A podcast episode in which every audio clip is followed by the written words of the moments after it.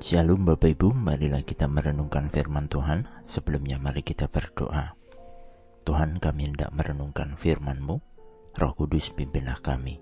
Di dalam Tuhan Yesus kami berdoa. Amin. Bacaan saat ini diambil dari Roma 3 ayat 4. Roma 3 ayat 4. Sama sekali tidak Allah adalah benar, sekalipun setiap orang adalah pembohong seperti yang ada tertulis, engkau memang terbukti benar saat engkau berfirman, dan bersih saat engkau menghukum. Semua orang adalah berdosa yang bersalah dan di bawah penghakiman kekal Allah, kecuali mereka diselamatkan oleh kasih karunia melalui iman di dalam Yesus Kristus. Kejatuhan manusia ke dalam dunia menjadikan manusia bermusuhan dengan penciptanya. Kita sedang menuju lautan penghukuman kekal.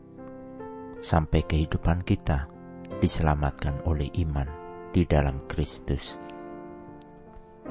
Tidak ada hal yang dapat dilakukan untuk kita menjadi benar di hadapan Allah tanpa kita percaya kepada pengorbanan Kristus di Kalvari. Segala upaya perbuatan baik, kekayaan, bahkan kepandaian, tidak mampu menyelamatkan kita. Semua kehilangan kemuliaan Tuhan. Semua berada dalam hukuman Allah.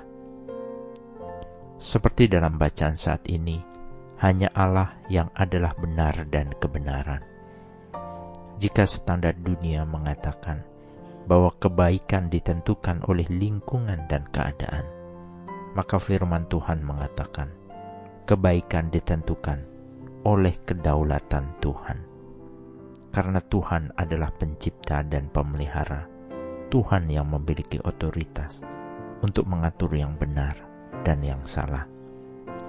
Lalu bagaimanakah kita mengetahui kebenaran dan kesalahan yang Tuhan maksudkan? Jika kita percaya dan memiliki iman kepada Kristus, maka kita adalah milik Kristus karena kita milik Kristus, maka melalui Dia kita diberi pemahaman tentang apa yang benar dan yang salah. Dan melalui Dia kita dimampukan, didorong dan dibimbing menuju kebenaran Tuhan. Oleh karenanya, kita diundang untuk terus mencari Tuhan dan kebenarannya. Matius 5 ayat 6 mengatakan, Berbahagialah orang yang lapar dan haus akan kebenaran, karena mereka akan dipuaskan. Jika karena Tuhan adalah kebenaran, maka kita hendaknya juga hidup dalam kebenaran Tuhan. Tuhan tidak menjadikan kita orang berdosa.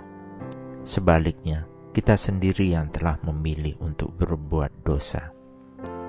Memilih berbuat dosa berarti memilih untuk menjauhi kebenaran Tuhan seperti halnya keselamatan yang ditawarkan secara cuma-cuma, maka berada dalam kebenaran Tuhan adalah langkah menuju keselamatan yang kita perlukan. Maukah kita hidup di dalam kebenaran Tuhan? Amin. Mari kita berdoa. Bapa Surgawi, sungguh kami bersyukur untuk kebenaran firman-Mu. Engkau adalah sumber kebenaran itu. Ampuni kami ketika kami hidup menentang firman dan berlaku sombong atas hidup kami. Ajari kami meneladani Tuhan dengan hidup seturut firman-Mu saja. Di dalam Tuhan Yesus, kami berdoa dan memohon. Amin. Tuhan Yesus memberkati. Shalom.